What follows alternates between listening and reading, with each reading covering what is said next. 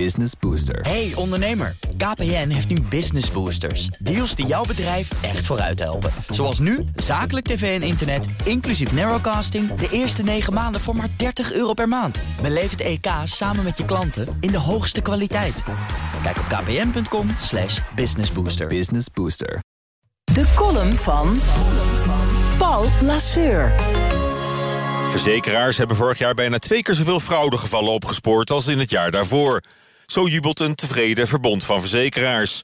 In 2019 werden meer dan 22.000 gevallen van verzekeringsfraude aan het licht gebracht, tegen nog geen 13.000 in 2018. Dat lijkt misschien een fraaie score, maar dat is het helemaal niet. Gemiddeld ging het namelijk om een veel lager fraudebedrag per geval... zodat de totale besparing voor verzekeraars bleef steken op 96 miljoen euro... waar dat een jaar eerder 82 miljoen was. Als je puur naar de bedragen kijkt, is het allesbehalve een verdubbeling... en blijft het miserig kruimelwerk. Naar schatting wordt elk jaar niet meer dan 15% van alle fraudegevallen opgespoord. Je kan dus ook zeggen 85% van alle verzekeringsfraude, verreweg het grootste gedeelte, glipt er gewoon tussendoor. Met zo'n lage pakkans maak je het wel heel verleidelijk voor polishouders om af en toe een valse claim in te dienen. Al is het maar om de premie voor dat jaar terug te verdienen. Kleine moeite om een gestolen camera of kapotgevallen zonnebril op te geven bij de reisverzekering. Of een parkeerschade melden als stormschade, zodat toch wordt uitgekeerd.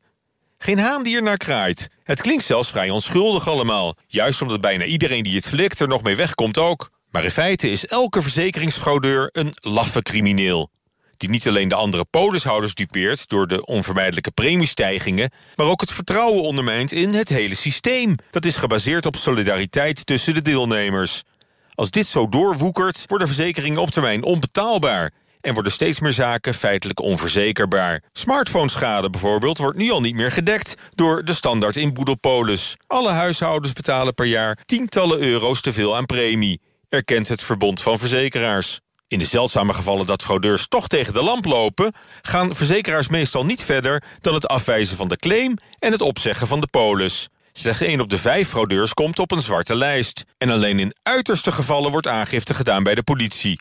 Onbegrijpelijk dat verzekeraars niet de allerhoogste prioriteit geven... aan opsporing en vervolging van de bedriegers. Dat zijn ze verplicht, zou ik zeggen, aan alle polishouders die wel te goeder trouw zijn. Waarom geen zero-tolerance beleid tegen de boeven... die het fundament van hun bedrijfsmodel zo ondergraven? Liever lijken verzekeraars een oogje toe te knijpen... en gewoon de premies dan maar een stukje te verhogen.